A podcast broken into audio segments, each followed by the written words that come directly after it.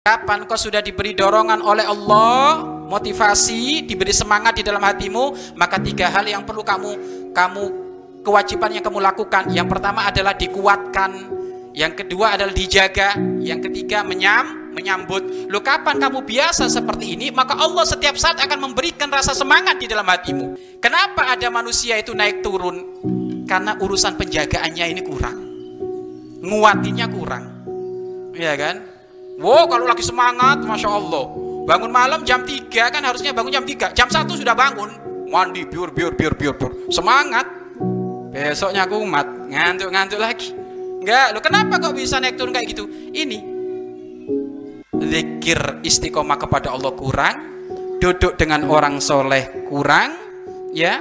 Kemudian menghindari pertemanan yang jelek kurang. Terus tidak mau dengan tipu daya setan juga kurang. Akhirnya naik turun